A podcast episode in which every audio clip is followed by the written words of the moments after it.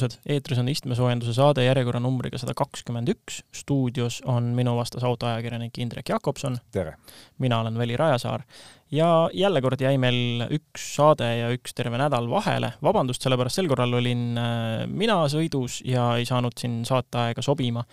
aga selle võrra rohkem on jälle kord rääkida. meil on uudiseid nii Eestist kui välismaalt, meil on uudiseid äh, nagu ikka onu Elonilt. tundub juba, et meil on äh, vaja tekitada saatesse eraldi rubriik Nädala Elon, sest kogu aeg tuleb temalt midagi, midagi äh, raputavat. räägime sellest, mis ägeda asja leiutasid eestlased, mis on juhuslikult ka esimeste killas Euroopas. ja nädala proovisõiduauto on Ford Explorer ja auto mõttena räägime siin gaasist, aga alustame kohe ka kütusega seotud uudisest. et siin see kütuse hind on üles-alla käinud, Äh, mina näiteks tankisin täna kusjuures hommikul ja nüüd saates äh, salvestama tulles, ma olen täna kaks korda tankinud ja hommikul tankisin hinda üheksakümmend kaheksa bensiini kaks eurot ja üks sent vist ja nüüd tankisin mingisugune üks üheksakümmend seitse. et see, jälle oleme seal, et on ikkagi üle kahe, isegi kui, kui soodustused juurde panna ilmselt sa tegid seda soodustusega, sest praegusel hetkel on bensiin üheksakümne viie hind enamikus tanklates vähemalt äh, täpselt kaks eurot, sest äh, null koma ühte senti teatavasti kuidagi üle kanda ega sendi kujul välja anda ei õnnestu. aga mida see meile näitab, see näitab tegelikult seda, et sõltumata Venemaa äh, poolt tekitatud kriisist, sõltumata sõjast, äh, sõltumata Hiinas toimunud lockdownist, Äh, igasuvised muutused kütusehindades on kohale jõudnud, Ameerikas on nad väga nagu reljeefsed, meil pisut vähem. mootori bensiini hind läheb üles, diiselkütuse hind tuleb alla, sellepärast et algavad suured sõitmised, kus äh, eratarbijad liiguvad ringi, peamiselt oma bensiiniautodega, ja diiselkütuse järgi tarvidus natukene väheneb. no sa tuvastasid meil siin, et äh, nüüd praegusel hooajal Pärnu ei saa olema turismimagnet mitte ainult selle suvepealinna staatuse pärast, vaid veel ühe asja pärast. Pärnul on nüüd ikka uus ja väga korralik turismimagnet ja see on ka meie nädalanumber ja see on üks kaheksakümmend viis. ühik taha, see on üks euro ja kaheksakümmend viis senti ja täpselt nii palju maksab äh, CNG rohegaas äh, Toor tanklas, mis asub Pärnus ja see on täiesti üllatav number, sellepärast et täpselt samal päeval vaatasin, mis maksab gaas CNG, rõhutan Eesti Gaasi tanklas.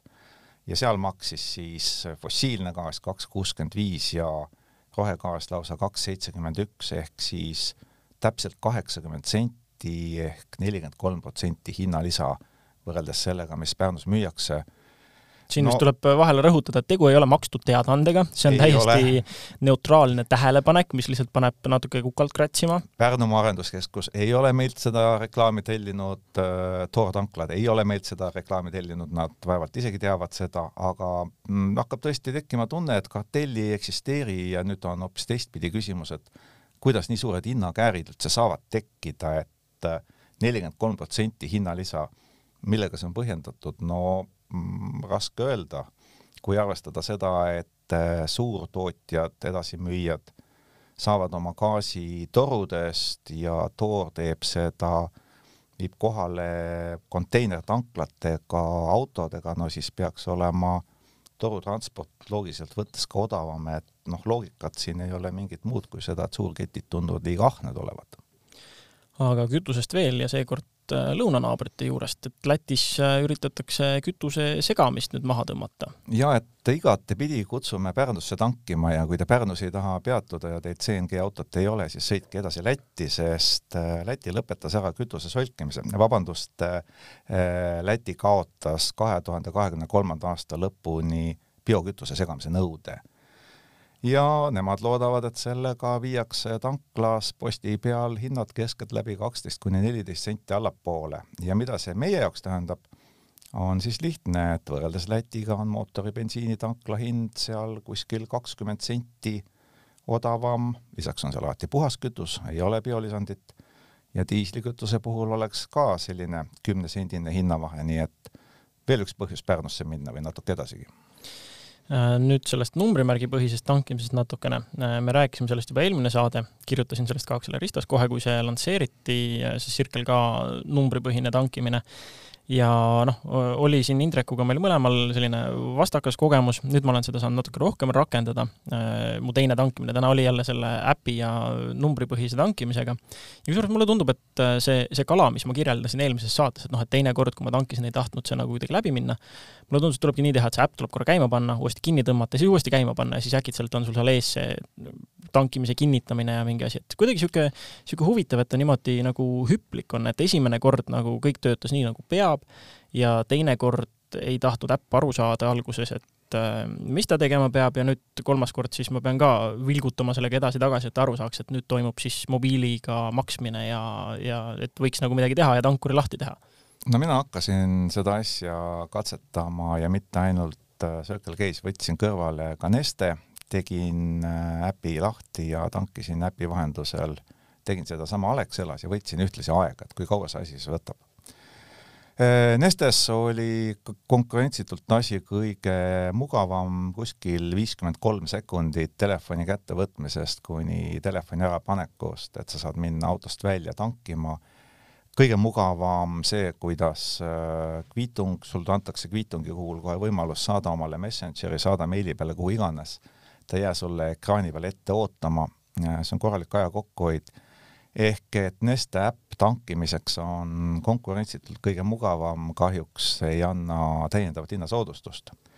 Alexela oli ka täitsa enam-vähem, tema loogika on suhteliselt sarnane Nestega, aga Circle K omast pisut pikemalt, et äh, vahepeal olen jõudnud neli korda tankida ja nendest äh, esimene kord ei õnnestunud üldse, pidin ära sõitma kurva näoga, sest ükski inimene äh, tankla teenindajatest ei osanud mind ka mitte kuidagi aidata. oota, mis sul siis täpselt juhtus?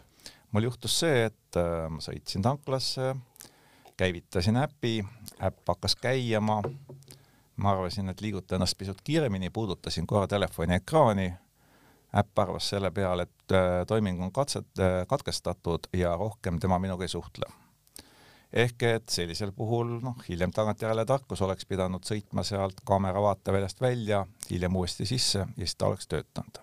olen seda katsetanud, täna näiteks oli samasugune lugu, siis ta toimis. Need korrad, kui õnnestus äh, tankida, neid oli ja võtsin siis aega, palju läheb, üks kolmkümmend viis. ehk et äh, noh, ma ei tea, kas nelikümmend sekundit on nagu väga pikk aeg võrreldes nüüd noh, üldse maakera ajalooga, aga kui võrrelda seda Neste viiekümne, viiekümne viie sekundiga, siis see on ikka täiesti tuntav vahe. ja no vot, siin oli ka see, et kas, kas ma eelmine saade käisin välja selle oma väikese eluhäki, et kuidas aasta peale hoida kokku umbes pool tundi mhm, kvaliteetaega, oli onju et see, see kaarditrikk, et kui tankima lähed, siis enne suska kaart sisse, lippa kähku tankuri juurde, pane püstol sisse ja kõik asjad ja siis selleks ajaks, kui kaardi, kaardimasin on mõelnud välja, et nii, nüüd võib pinni sisestada, siis sa oled uuesti seal tagasi, hakkad pinni sisestama. et niisugune kokkuhoid, mitte et sa ei sisesta pinni seal oodates ja siis ei lähe püstoliga majandama. ühesõnaga, siin on jälle koht, et vaadata, kas see nelikümmend sekundit on siis nagu olulisem kui see võimalik sääst, sest noh, kui me vaatame säästu, on ju, Sirgel gaas on meil mis siis kaheksa sentiliitrit alla, on ju. Äh, ja nüüd äh, Nestes on siis kui palju? Nestes on tavasoodustus, ehk et Neste ei anna äpiga tankimisel eraldi soodustust ja see on väga kurb, sellepärast et äh, Alexelas lõppes täna soodustus ära, Alexela andis kümme senti alla ja see loomulikult motiveeris Alexelast tankima. siin on selle koht, koht efektiivsuskalkulatsiooniks, et kas see nelikümmend säästetud sekundit Ähm, või, või siis kas see rahaline sääst ikkagi kaalub selle üles, oleneb jällegi kõik sellest, kui tihti sa tangid ja kas sa oled tilgutaja või paagi täispanija, on ju. et igaüks saab siin teha efektiivsuskalkulatsiooni, et palju see äh, nelikümmend sekundit, noh, see on siis meil äh, null koma kuuskümmend kuus minutit, on ju, äh, ja siis arvutada kokku oma sääst, mis tuleb Circle K versus Neste ja siis vaadata, kas see nii-öelda tunnihinnana, siis on see seda väärt või mitte no kui sa räägid siin paagi täispanijast, siis äh, nende probleemidega olen juba põrkunud. mina oma autodel paaki ju täis ei saa, sest Sul keegi on, on pannud äh, saja äh, eurose limiidi ja samal ajal keeranud kütuse hinna kahe euro peale. huvitav jah, et seda ei ole korrigeeritud, ma ka mõtlesin, et kuidas on, mul on üldiselt jah veel see, et mul Subaru on pikalt tegemises olnud ja teised autod on alla viiekümne liitrise paagiga, nii et ma ei ole seda näinud, et limiit nii-öelda täis saaks. no kui mu hobiauto paak on kaheksakümmend liitrit, siis mitte kuidagi ei õnnestu ühe tankimisega mobiilselt seda täis saada. no kuramus, ma loodan, et äh, siin äh, mõni tähtis nina meid ka kuulab, kes saab anda käsud edasi oma erinevatele IT- ja makseosakondadele, et see asi siis ära korrigeerida, kui ma olen kindel, et selle peale on mõeldud ja seda on juba ka kaevatud, aga noh, kaebame siis meie ka.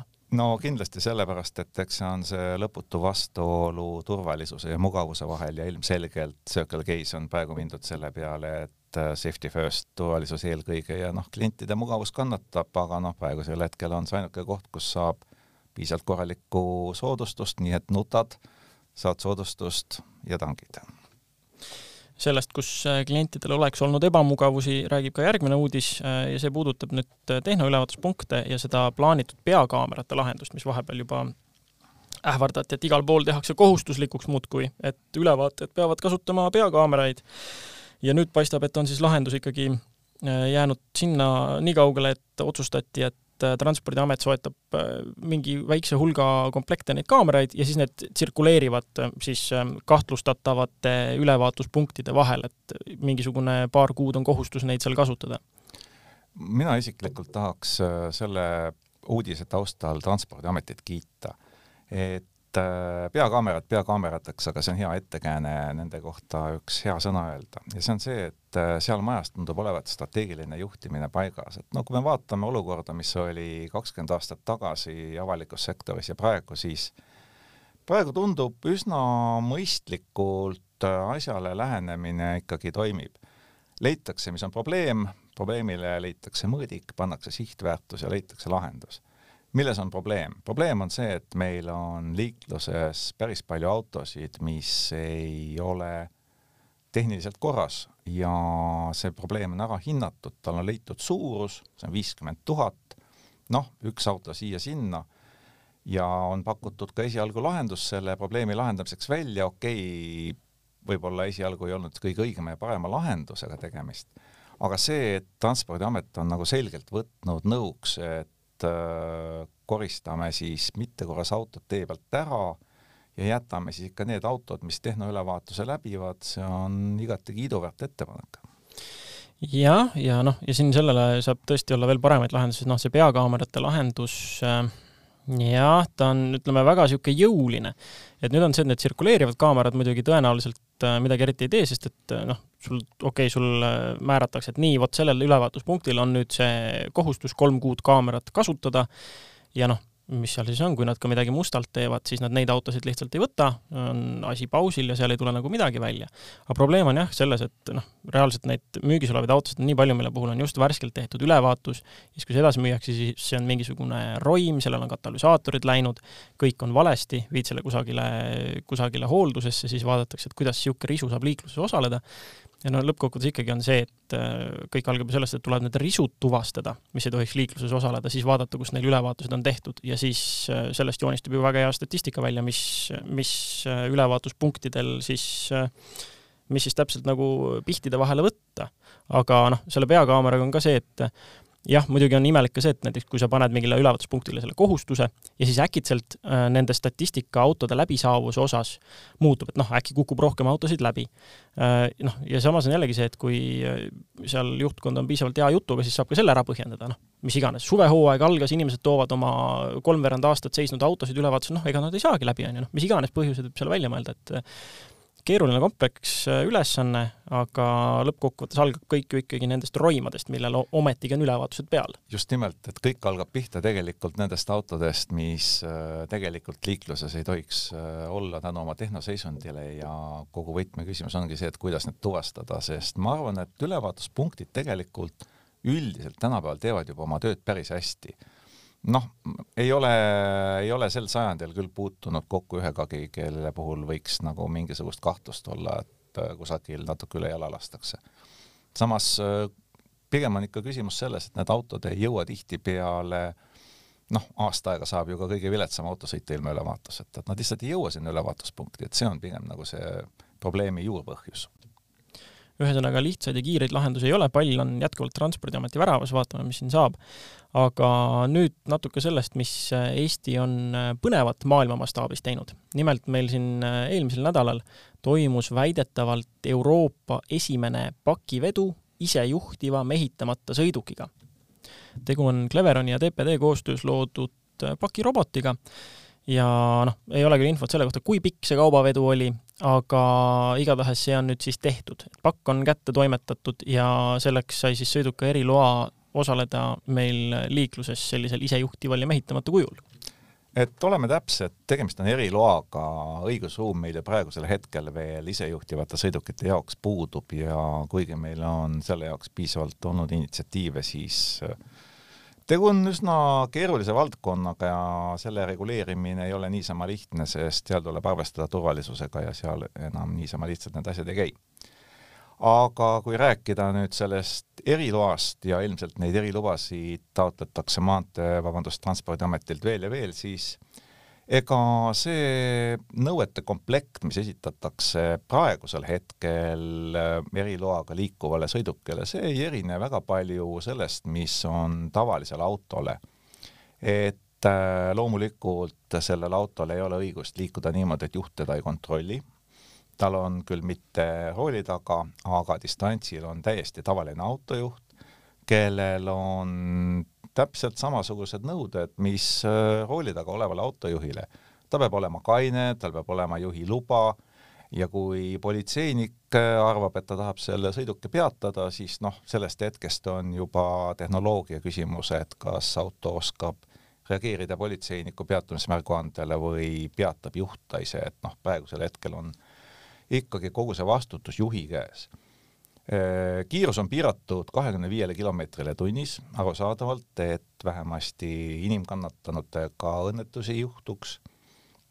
aga kui jutt ongi õnnetustest ja õnnetuste eest kaitseb teatavasti kindlustus, noh, kaskokindlustusest siin praegu rääkida on vara, sest äh, ei saa kaskot kuidagi teha asjale, mis pole autogi siis äh, liikluses osalemiseks on sõidukile, olgu see isejuhtiv, äh, kaugelt juhitav või mis iganes, on tarvis liikluskindlustust ja sellega ei ole ju tegelikult probleemi, sest liikluskindlustuse teeb ja kahju puhul vastutab selle valdaja ja sellises olukorras, kas see juht viibis füüsiliselt rooli taga või viibis ta laua taga, ei oma see tõepoolest enam suurt tähtsust sa tõid siin välja selle päris põneva osa omakorda, mis on see, et mis saab näiteks siis, kui politseinik üritab seda autot peatada. Äh, mõne, mõned nädalad tagasi Accelerista portaalis lihtsalt kirjutasin vahepeal ühe väikse uudise sellest, mis Ameerika Ühendriikides juhtus, et äh, üks isejuhtiv mehitamata sõiduk äh, peatati politsei poolt ja kusjuures see sai täiesti pädevalt hakkama, ta oli nüüd, korra võttis kiiruse maha, siis jäi seisma, siis kui politseinik auto kõrvale jõudis, siis sõitis edasi aga siis see edasisõitmine oli, ei olnud siis ikkagi mitte põgenemine, vaid ohutuma peatumiskoha otsimine. ja sealt edasi siis tuli auto enda operaator mingi hetk või siis firma esindaja veel üle vaatama, et äh, kõik oleks korras ja suhtles korrakaitsjatega ja et ühesõnaga äh, ka sealpool suurt tiiki, suurt lompi areneb asi tegelikult täitsa soodsas suunas. no praegusel hetkel Eestis äh, sellist nagu isegi edasisõitmist ja automaatset koha otsimist ei ole, et et äh, selle hinnangu peab sellisel olukorras andma ikka väga täpselt veel operaator ja siis selle auto sinna seisma panema, kus ta nagu inimesena paneks, kui ta oleks rooli taga.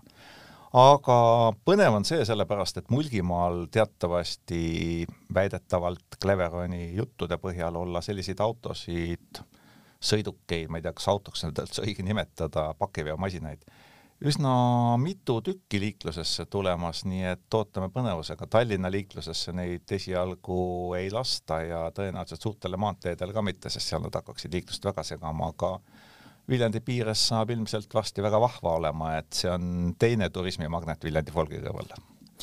Viljandist rääkides, teel Viljandisse äh, on ju teatavasti Tikupoisi tankla ja mis oleks algav suvi ilma autoüritusteta, et üks selline üritus toimus just sealsamas Tikupoisi tanklas ja teine siis äh, toimus äh, Tallinnas, mis oli siis äh, kobarmess.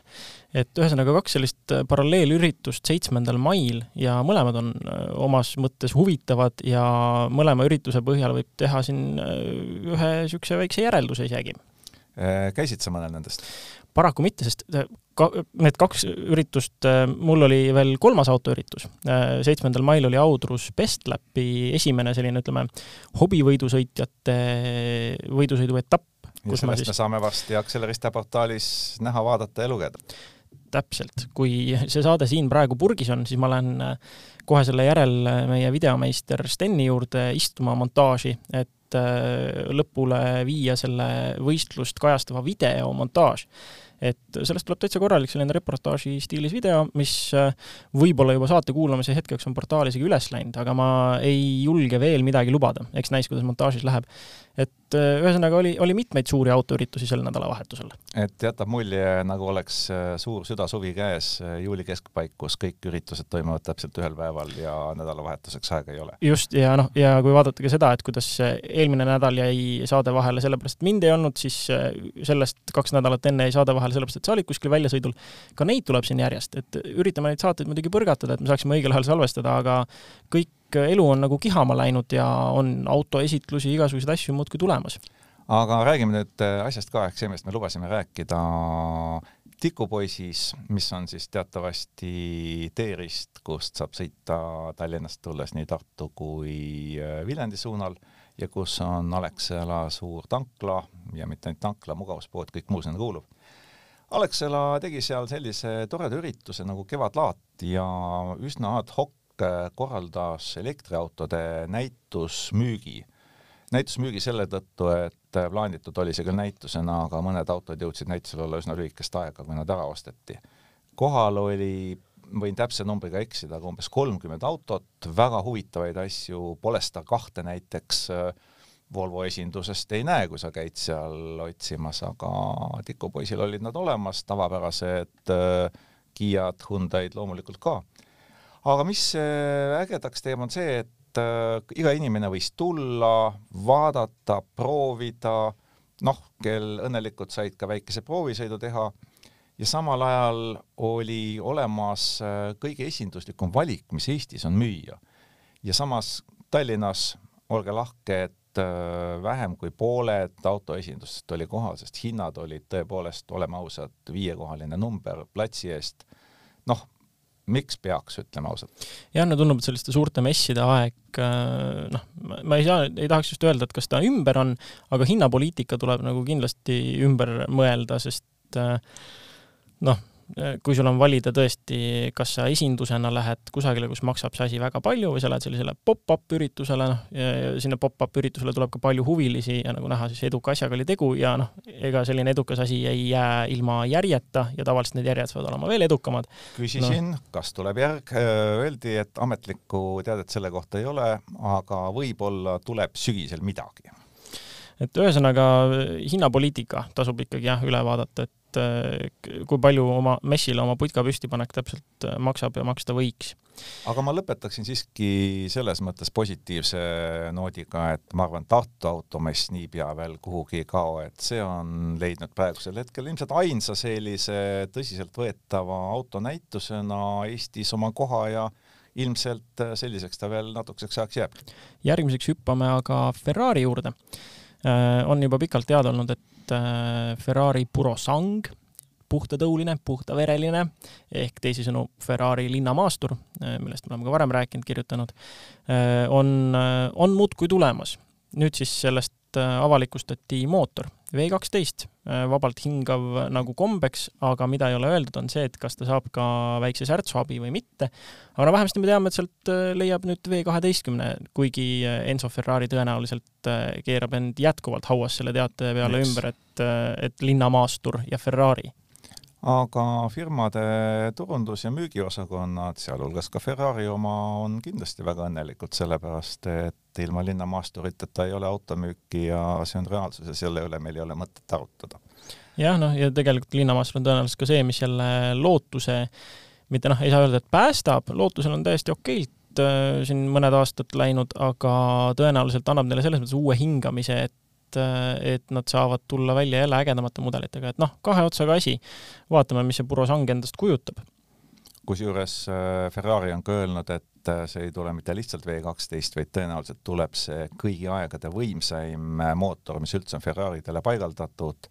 Ja lisaks öeldakse, et kui see jääb teile liiga kalliks, siis on oodata ka tunduvalt väiksemat, ainult topeltturboga V kaheksat.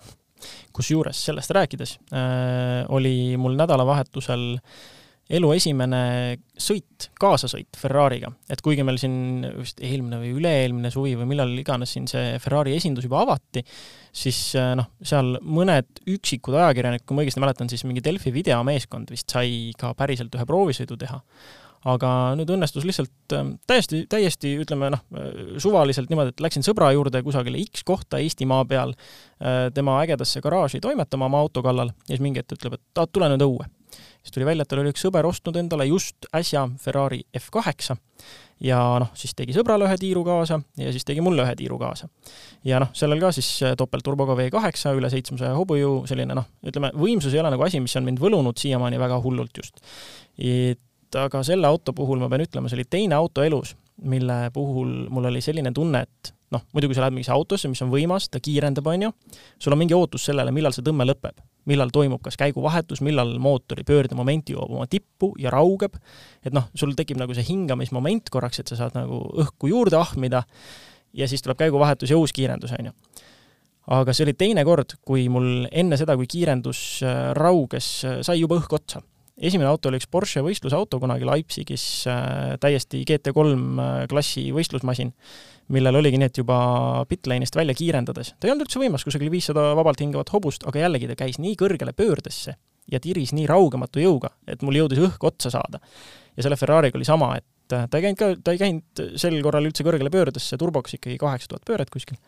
aga ikkagi oli see, et ta läks üle selle ootuse, et millal võhm raugeb ja millal äh, kiirendus siis seega raugeb, et selline täitsa huvitav elamus. õelad inimesed küsiksid selle peale, et kas seal oli variaatorkast?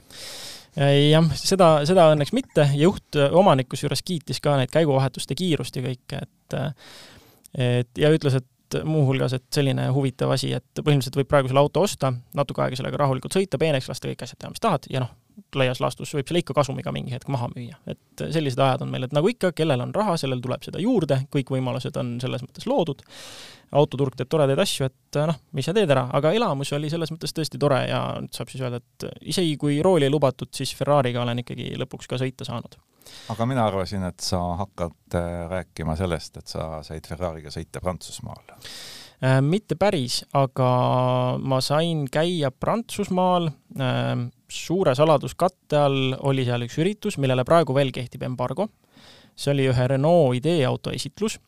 nii palju ma võin öelda, et noh, see embargo raugeb paari päeva pärast, et järgmises saates ma räägin ideeautost lähemalt.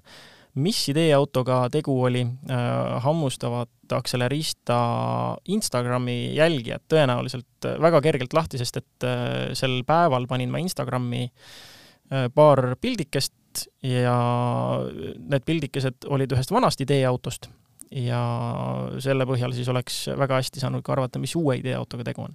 aga see selleks, sellest järgmisel nädalal, aga mis on meie nädala ideeauto, millest rääkida tohib?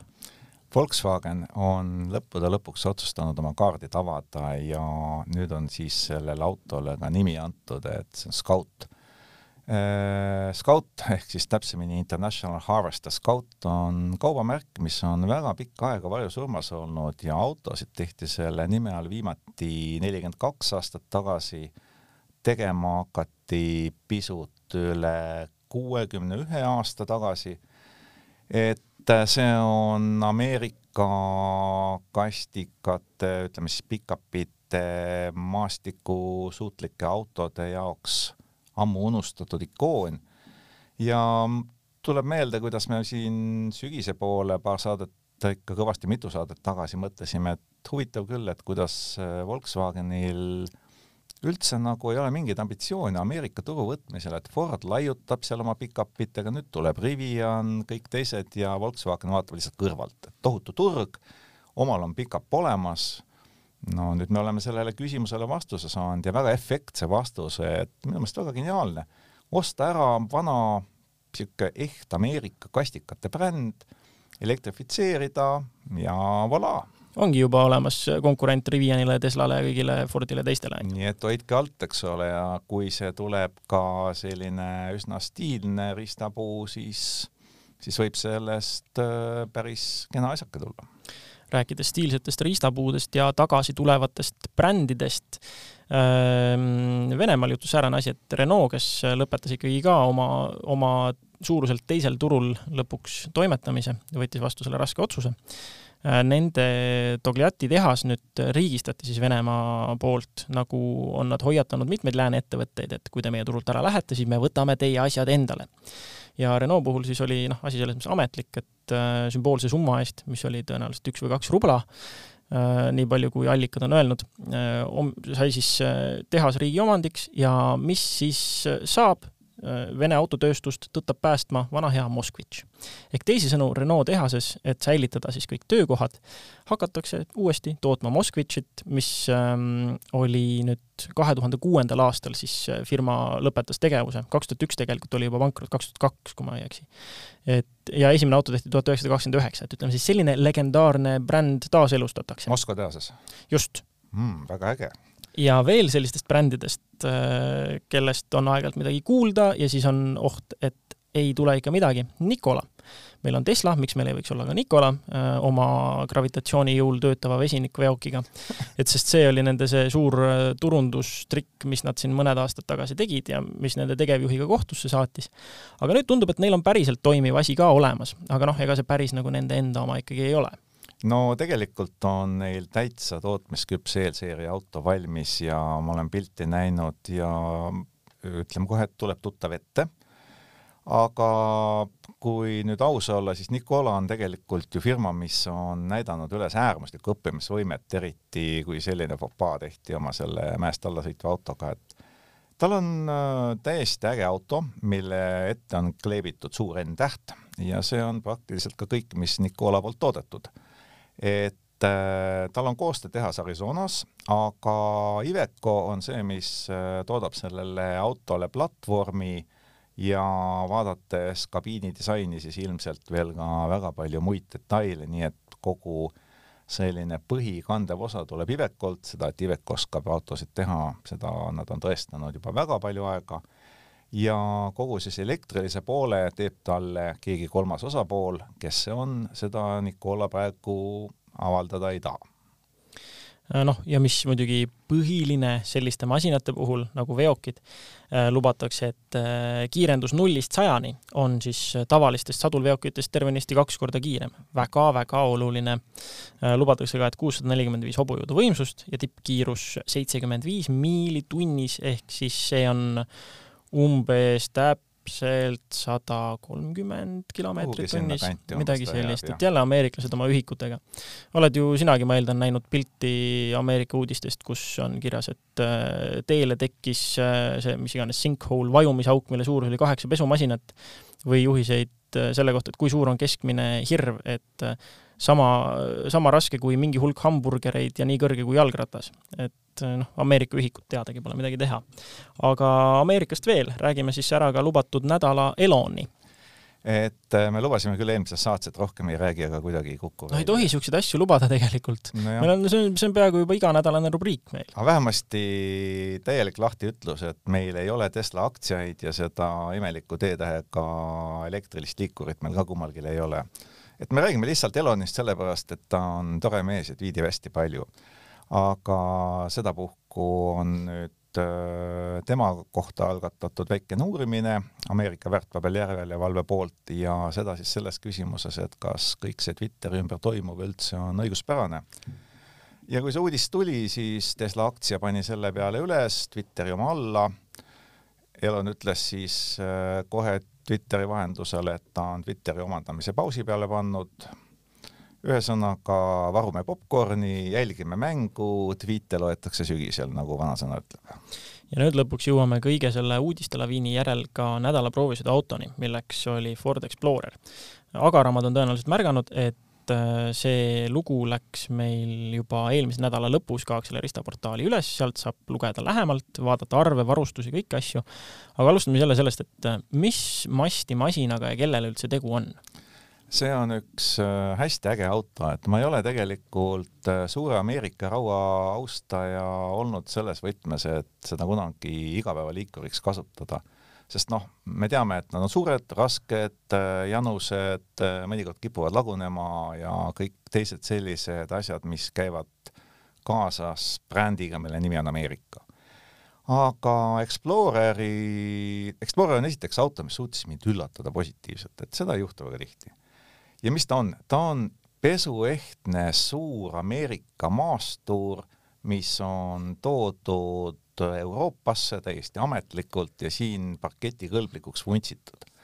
ehk äh, pisut üle viie meetri pikkust, pisut üle kahe meetri laiust, üks koma seitsekümmend kaheksa meetrit kõrgust, üle kolme tonni täismassi, mis jõuab veel omakorda vedada kaks ja pool tonni haagist seitse istme, seitse istet kolmes istmereas, noh, tõsi, need kaks viimast äh, sobivad küll ainult lastele, aga auto, mis äh, pakub nagu kõike seda, mis öeldakse, et ameerikalik, mõnus, äge, suur.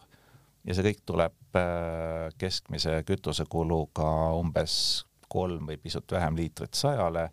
No, ja süsinikuheitmega kuskil kuuekümne grammi kandis. see on kindlasti väga usutav info ja see, see kindlasti peab paika igapäevaliikluses ja tavakasutuse juures jaa, me tegime ka vastava katse, et kui olla hästi tubli ja seda autot kogu aeg seinast laadida, noh, siis äh, sellise tavakasutuse juures suutsime selle kütusekulu pressida kaheksa koma kuue peale ja ma vaatasin, et ka varasematest aegadest, et et äh, sinna kaheksa koma midagi see keskmine kulu oli, see ei arvesta elektrikulu sinna juurde.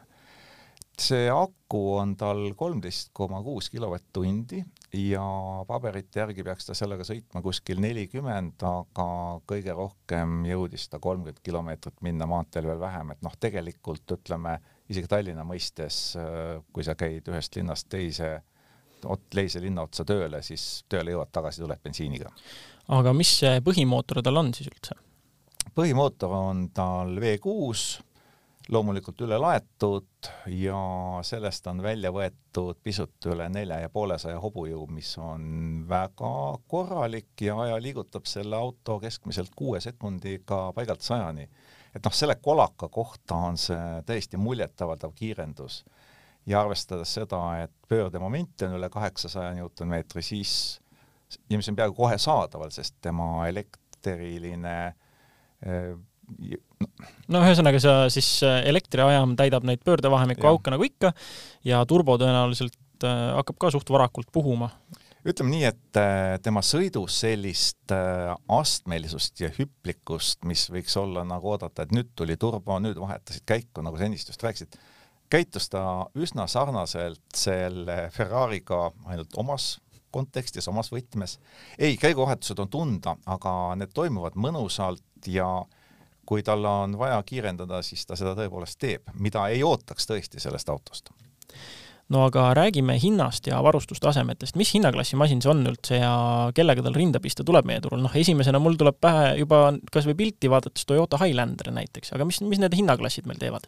Äh, Highlander on ikkagi tuntavalt soodsamas hinnaklassis, et äh, irooniliselt öeldes, kui ma hakkasin seda lugu kirjutama, siis see auto maksis seitsekümmend üks, seitsekümmend kaks tuhat sinnakanti, aga kui ma loo lõpetasin, siis ta maksis juba seitsekümmend kaheksa tuhat seitsesada, seitsekümmend seitse tuhat kaheksasada eurot ehk noh, hinnad tõusevad praegu iga kuu ja siin ei ole no sama kiire kasv kui krüptovendadel, on ju. noh, nüüd neil on muidugi negatiivne, aga ja. see selleks. kuidas tal mugavus on? Mm, tema mugavus sõltub väga sellest, kus sa istud. et äh, kui sa istud eesmises istmereas, siis on tegemist äh, äärmiselt mugava, väga hea ergonoomikaga, üllatavalt hea, et noh, võiks oodata, et ei näe välja ja kapott on suur ja gabariite on kehv tunnetada, mitte midagi taolist. Äh, keskmises istmereas täiesti sellise noh, keskmise võib sõita mugavusega ja kolmandas istmereas, nagu ütlesin, et et äh, sinna võiks panna ainult lapsed ja sedagi mitte kauaks. aga nüüd äh, eesmistest kohtadest rääkides äh, ma eeldan, et siis istmed on kõik ikkagi väga fancy'd selles mõttes, et soojendatud, ventileeritud, puhuvad, pühivad, kuivatavad, kõik asjad, mudivad? mudivad lausa viies erinevas režiimis, et see on auto, mille puhul ta on müügil kahes varustustasemes nende hinnaerinevus on ainult üheksasada eurot, põhimõtteliselt äh, seal mingisugust vahet ei ole ja lisaks saad äh, ka piltlikult osta ainult metallikvärvi haakekonksu, et kõik, mida annab ühele autole juurde panna, see on sinna pandud ja seda on pandud ikka kamaluga. et mis mind ennast hästi positiivselt üllatas, mis ei ole üldse kallis lõbu, mille võiksid ju kõik tootjad üle võtta, on see, et tal on kolmes erirežiimis püsikiirushoidja. kui sa tahad tavalist, kui on lörts, lumi, kaamera on umbes, sõidad tavalise püsikiirushoidjaga. on ilus ilm, normaalne kulgemine, sõidad adaptiivse püsikiirushoidjaga kui sa ei ole päris kindel, kuidas sa sõidad ja kui kiiresti sa sõidad ja üleüldse arvad, et parem oleks lasta ennast juhtida, siis selle jaoks on veel selline intelligentne, mis siis loeb GPS-i pealt äh, kurve, mägesid ja kõike muud ja teeb sinu sõitmise küll ebamugavaks, aga selle eest kindlasti väga intelligentseks, nii et tal on kõik variandid olemas ja need kõik on täpselt ühe nupuvajutuse kaugusel, vali millist tahad. see kõlab küll mugavalt jah, laias laastus on ju, kui riistvara on olemas, siis ainult tarkvara kirjutamise küsimus, on ju. ja need lahendused on ju tegelikult ka kõigil olemas, aga nad on lihtsalt toodud kenasti ühe ekraani alla kokku, et sa saad teha täpselt sellise valiku, nagu sulle sobib. ja see on see kasutusmugavus, mis noh, mis positiivselt mõttes, positiivses võtmes hämmastab. aga ekraanidest rääkides, äh, kuidas on multimeediasüsteem, heli kvaliteet? heli kvaliteet meil ei õnnestunud testida teda kõige keerulisemates oludes, aga midagi sellele ette heita ei saa, ütleme nii äh, multimeediasüsteem, ekraan piisavalt suur, püstiselt äh, asetatud, ja reeglina katab ära funktsioonidega, noh, sisulise funktsioonidega kogu selle ekraani. mis oli natukene naljakas tänapäeval, on see, et ta vaatab otse, mitte ei ole juhi poole pööratud, et äh, reeglina ju tänapäeval kõik äh, need keskekraanid on natukene juhi keskseks tuunitud või natuke juhi poole pööratud. et see vaatab otse, aga see ei ole nüüd küll probleem, mille pärast nagu muretseda ja ühenduvus, kuidas on näiteks telefoniga ühendumine või sisse ehitatud rakendused, saad sa kasutada Waze'i, Maps'i või on tal mingi oma sisse ehitatud kohutav kaardirakendus? Äh, see kaardirakendus on talle sisse ehitatud, see ei ole kohutav, aga see on lihtsalt Eesti tingimustes äh, väga aegunud, et selle järgi sõites võib kindlasti ära eksida ja neid numbreid, mida ta nagu loeb tee ääres, neid ei maksa väga kiiruspiiranguteks pidada aga muus osas ei ole talle midagi ette heita, et et äh, Waze töötab, Google Maps töötab, kõik olulised funktsioonid on olemas, et äh, täiesti kriitikavaba süsteem. kas see kriitikavaba süsteem eesti keelt ka oskab? kahjuks ei. aga nüüd üks viimaseid küsimusi, mis mul veel pähe tuli, pagasiruum, pagasirõõmu, pagasirõõmu, jah, pagasiruumi äh, mahud ja mõõdud kui kõik istmed on maksimaalselt ära kasutatud, siis on selline kena golf ehk kolmsada kolmkümmend liitrit kui hakata mõtlema, mis sinna mahub, siis tegelikult mahub sinna igapäevaseks äh, eluks kaasavõetav kõik vajalik, et võid sinna panna oma arvutikoti, spordikoti ja jääb ruumi ülegi. aga kui kõik istmed alla laatida, alla lasta, siis on see mahutavus kaks tuhat kakssada seitsekümmend neli liitrit ehk siis kaks koma kaks kuupmeetrit ja see, see tähendab seda, et sinna mahub ikka täiesti kaubiku mõõtu asju aga nüüd, kui seda hinda vaadata ja mõelda konkurentidele, noh, Highlanderit ma mainisin, aga kes meil veel on, meil on ju Hyundai'lt on, äh, Kialt on konkurenti. konkurentsipositsioon ongi selles suhtes äh, natukene omapärane, et Exploreril ei ole tegelikult otseseid konkurente, et äh, tal oleks konkurente siis, kui äh, oleks samas hinnaklassis, samas mõõdus suure ameeriklasi meie turul saadaval, aga neid ei ole. ja isegi, isegi kontsernikaaslane Ford Edge on ju samm väiksem. Äh, Edge on samm väiksem ja Edge'i Eesti nimekirjast enam ei leia ja Euroopast on ta ametlike teadete kohaselt lihtsalt lahkumas põhjusi loomulikult kunagi autotootjad ei too, miks nad mingi mudeli ära viivad, küll nad räägivad, miks nad mingi mudeli toovad aga see selleks, äh, noh, nagu öeldud, Toyota Highlander, mis on olemuselt ameeriklane, lihtsalt pisut pisem. Ja noh, kui võtta nüüd äh, Hyundai, Kiia, eriti siis noh, loomulikult nende suuremad mudelid, mis siin müüakse, Hyundai Santa Fe ja Kiia Sorento, no nad on sarnased selles mõttes, et Äh, nad on samuti hübriidsüsteemiga varustatud, sinna annab panna seitset inimest, aga nende viimistlus on kindlasti mitte halvem, aga ta on natuke teistsugune, et äh, kui sa sõidad Sorrentoga ja sõidad Exploreriga, siis need on täiesti erinevad autod. Äh, viimase, Explorer on pisut kallim aga see, mida ta pakub, okei okay,, natukene rohkem ruumi ka muidugi, et kõik need äh, varem mainitud on pisut väiksemad. Suurtest ja Nobelmarkidest, noh, Q7 Audi, eks ole, loomulikult on sama mõõtu, pisut ka kallim, eks ole, mm, Volvol on XC90, on ka pistiku variant nüüd olemas, et selles mõttes sealt konkurente kahtlemata leiab, aga need on väga igavad lahendused. ühesõnaga, laias laastus võib öelda, et täiesti maitse asi, jah? täiesti maitse asi ja seda maitset sa mujalt ei saa, et kui sa hakkad võrdlema Audit äh, suure Mercedesega, siis andke mulle kõik Audi ja Mercedes omanikud andeks, te leiate seal võrratult rohkem sarnasust, kui leida selles suures Fordis. niiviisi, aga aeg on äh, tänase saate otsad kokku tõmmata. see oli saade järjekorra numbriga sada kakskümmend üks. tänan, et meid jälle kuulasite. Kuulmiseni